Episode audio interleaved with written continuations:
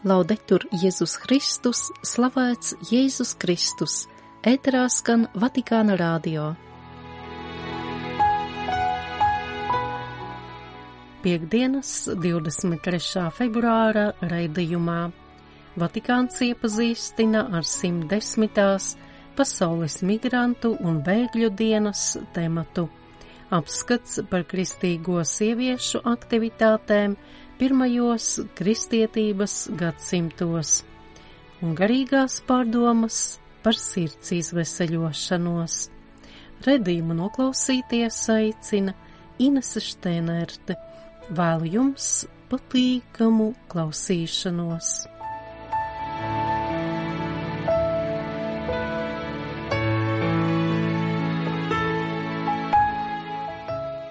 Cilvēka integrālās attīstības dikastērijas ir publicējis 110. pasaules migrantu un bēgļu dienas, kas tiks atzīmēta 2024. gada 29. septembrī tēmu Dievs staigā kopā ar savu tautu. Pāvesta Franciska vēstījumā izcelta ceļojošās baznīcas dimensija, īpašu uzmanību pievēršot mūsu migrējošajiem brāļiem un māsām Viņi ir mūsdienu ikona, kas simbolizē baznīcu kustībā, teikts Vatikāna paziņojumā. Šis ceļojums ir jāveic sinodālā veidā, lai mēs, pārvarot visus šķēršļus un draudus, kopā varētu sasniegt patieso dzimteni, atzīmē cilvēka integrālās attīstības dikastērijas. Šajā ceļojumā, lai kur mēs atrastos, ir svarīgi apzināties Dieva klātbūtni, kurš pavada savu tautu, vadot un sargājot to ik uz soļa.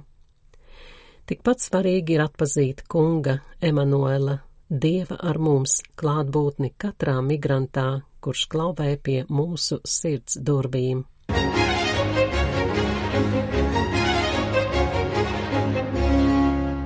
Konsekrētā dzīvei, kādu to pazīstam šodien, ir attīstījusies divu gadu tūkstošu laikā.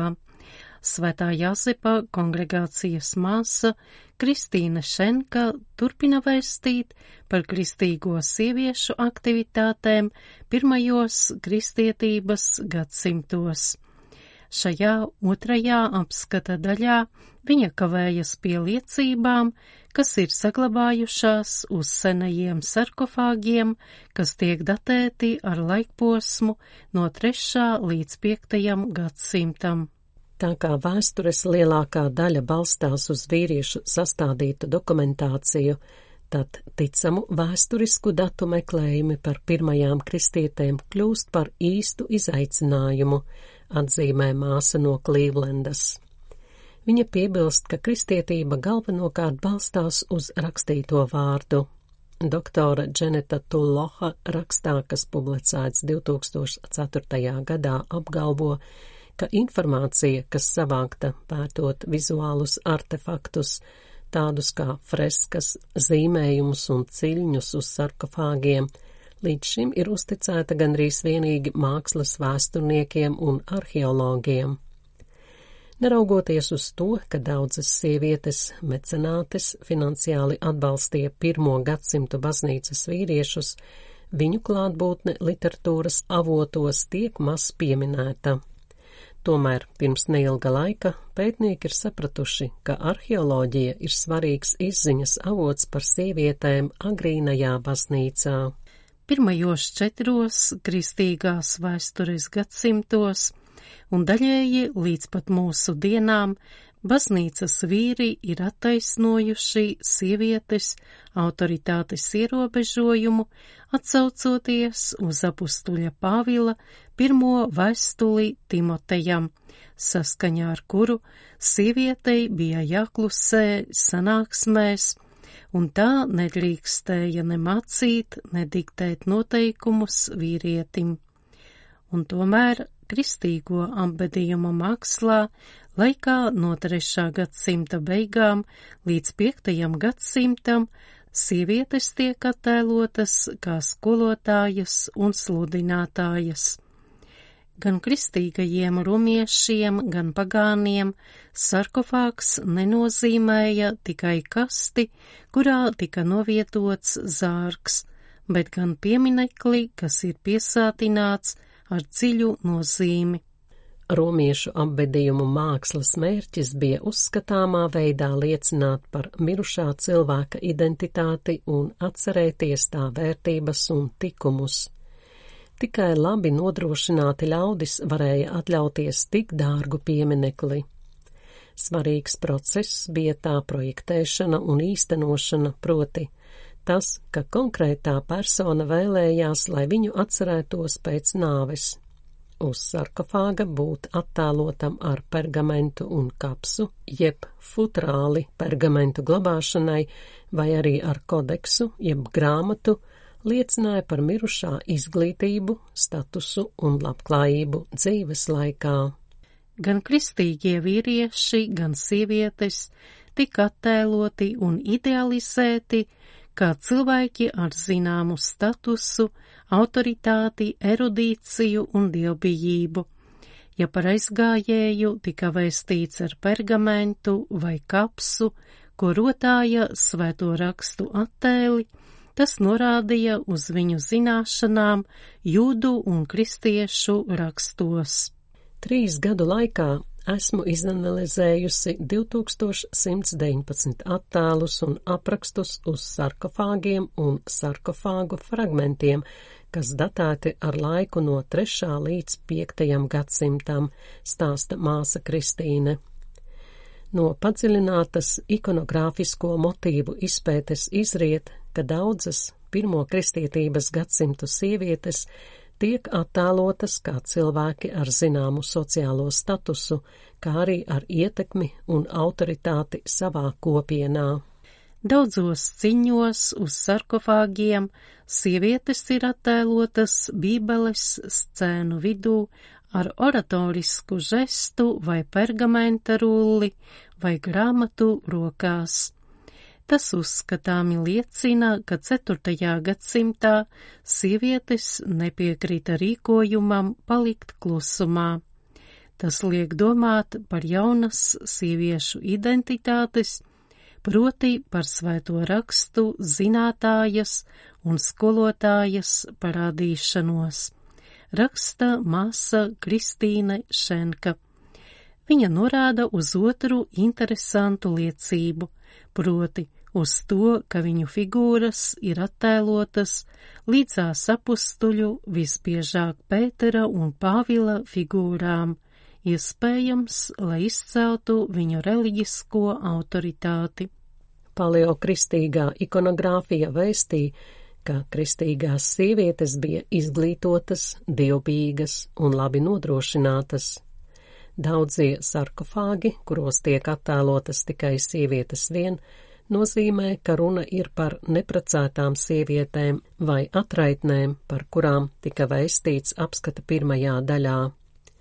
Ievērojot to, ka daudzas no šīm sievietēm ir redzamas ar pergamentu un sprediķošanas attieksmi bībeles scēnas vidū, var secināt, ka viņas izcēlās ar erudīciju svētajos rakstos, un vēlējās būt attēlotas kā sievietes, kuras uzticējās dieva pestījošajai varai un bija ekspertes Jēzus dzīves un viņa paveikto brīnumu notikumos. Bez tam viņu kopienas tās idealizēja kā zinošas personas, kurām piemīt autoritāte, vismaz tāda, ka tās var sludināt un mācīt rakstus.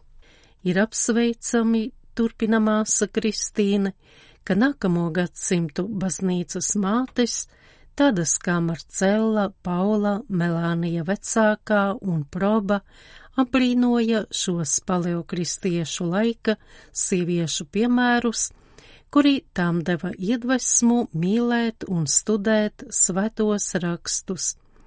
Literatūras savoti par baznīcas mātēm saskan ar arheoloģiskajiem atradumiem un apliecina to, ko teorētiski jau ir pieminējuši mūslaiku pētnieki, ieskaitot pāvestu Benediktu 16. proti, ka pirmajos kristietības gadsimtos sievietēm bija daudz lielāka ietekme nekā tas visā visumā tiek atzīts. Kamēr rakstiskajos dokumentos dominē vīriešu dzimuma figūras, arheoloģija rāda, cik liela ekleziālā autoritāte savās kopienās piederēja sievietēm. Kā redzēsim turpmāk, sola māsa Kristīne, Sievietes, kuras pulcējās ap mūsu baznīcas mātēm, laika gaitā veidoja pašas pirmās reliģisko māsu kopienas. Trešajā apskata daļā Svētā Jāzepa kongregācijas māsa runās par 4. gadsimta sievietēm, kuras dibināja klosterus, liekot pamatu sieviešu konsekrētajai dzīvei.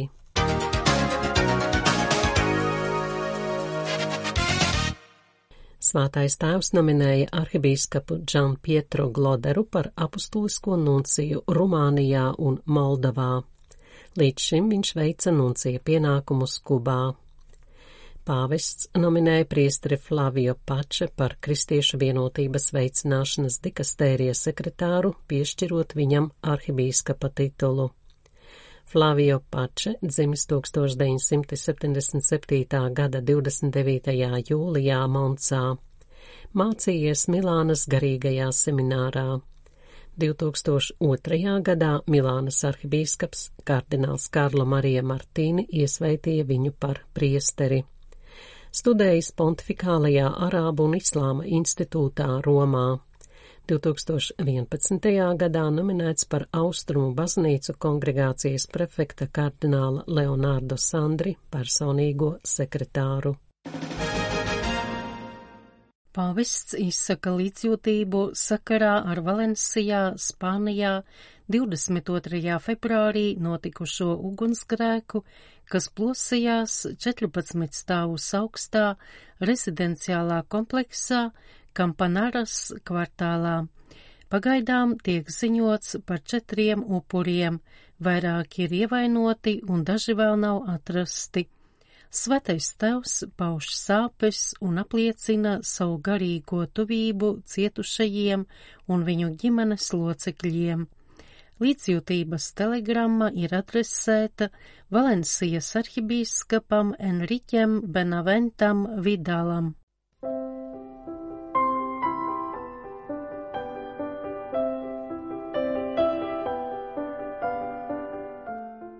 Kad svētais gars patiesi iemājo cilvēka sirdī, tad vairs nevar atšķirt dieva mīlestību no tuvāk mīlestības vai brāļu mīlestību no lūkšanas, jo šīs divas realitātes neatdalāmi savienojas. Lūkšana pamodina bezgalīgu sirds mīlestību. Kāda gan ir tā sirds, kas ir apņemta ar mīlestību, jautā Īzaks no Sīrijas. Tā ir sirds, kas deg mīlestībā pret visu radību, visiem cilvēkiem, visiem putniem, dzīvniekiem un pat dēmoniem.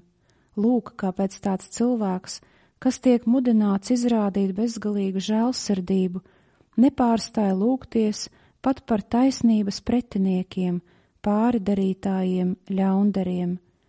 Tas lūdzas pat par čūskām, kas pamodušās Dieva radītāja sirdī. Pamēģināsim saprast, kas ir patiesā tuvāk mīlestība. Mums tik bieži atkārtoja, ka vajag no visa spēka censties mīlēt vai mācīties noslāpēt antipātiju, jo sākam domāt, ka tuvāk mīlestība ir atkarīga no paša cilvēka labās gribas. Saprotams, brāļu mīlestībai nepieciešamas mūsu pašu pūles, ieguldījums, taču nevar aizmirst, ka pati Dieva mīlestība jau ir ielieta mūsu sirds dziļumos. Ar tuvāk mīlestību ir tāpat kā ar lūkšanu. Kamēr mēģināsim to iedzīvināt, koncentrējoties vien uz prātu un gribu, tikmēr pieredzēsim vien nožēlojumus zaudējumus. Šī mīlestība nav morāls tikums. Gribot iemīlēt Dievu un brāļus, vajag piedzīvot tādu realitāti, ka Dievs mīl mani. Tādai ir jābūt mūsu mīlestībai, kas ienāk sirdīs ar augšām celtā dzīves piepildīšanos. Kristīgā mīlestība vienmēr ir un būs Kristus lieldienu auglis, tāpēc nemitīgas lūkšanas pārņemta un pilnībā pārņemta ar garu, mūsu sirds un miesa ļoti vienkārši var izdzīvot īsto tuvāk mīlestību. Vēl skaidrāk, nevar pat censties mīlēt kristīgo mīlestību, jo tādajādi izveidojas sentimentālas vai voluntāras ilūzijas. Parasti citam var veltīties tikai tad, kad no visa atsakāmies, paliekot trūciegi un atbruņoti. Lūk, kāpēc Kristus tik cieši atgādina par svētībām, bet jo īpaši par nabadzību. Tikai nabadzīgas sirds māk pieņemt mīlestību un to atdot. Patriārhs Athenagors bija ne tikai liels lūkšanas cilvēks, bet arī brīnišķīgi komunikabla personība, kas spēja brāļiem rādīt dieva maigumu. Viņš atgādināja, ka nabadzība ir mīlestības noteikums. Mums jāuzņemas pati grūtākā cīņa, cīņa pašiem ar sevi. Šajā cīņā ir jāspēj atbruņoties. Es cīnījos tajā gadu no gada, tā bija šausmīga, bet tagad jau esmu atbruņojies un ne no kā nebīstos, jo mīlestība izdzen bailes. Es atbrīvojos no vēlmes vienmēr palikt pie savas taisnības, attaisnot sevi un parādīt citu trūkumus. Es nesargāju savas bagātības, nesmu tajās ieķēries. Es pieņemu un dalos, neturos spītīgi pie savām idejām, plāniem. Ja man piedāvā labākus, varbūt pat ne tik daudz labākus, bet labus, pieņemu tos nenožēlojot. Es atsakos salīdzināt. Tas, kas ir labs, īsts, reāls, man vienmēr ir labākais. Lūk, kāpēc vairs nebaidos. Kad mums nav nekā, nav arī par ko baidīties, ja atbruņojamies, atsakāmies no savas bagātības, atveramies dievam, cilvēkam, kas visu maina, izdzēšot ļauno pagātni un atjaunodams laiku, runā, viss ir iespējams. Ko nozīmē mīlēt? Vairums cilvēku runājot par mīlestību, saka, ka tie nav tikai sentimenti, jo aktīvā mīlestība ir dieva gribas pildīšana. Patiesi, tas ir visīstākais mīlestības auglis, zīme, no kuras šī mīlestība tiek atpazīta, zīme, kas izpaužas caur brāļu mīlestību, no tā pazīs, ka esat mani mācekļi. Taču mīlestības zīme nav pati mīlestība, un ja mēģināsim pildīt dieva gribu, Mīlēsim brāļus ar varonīgiem gribas vingrinājumiem. Varbūt izrausim no savas sirds mīlestības augli, neiestādījuši mīlestības koku. Tā sēkla sākumā ir mazākā no visām sēklām.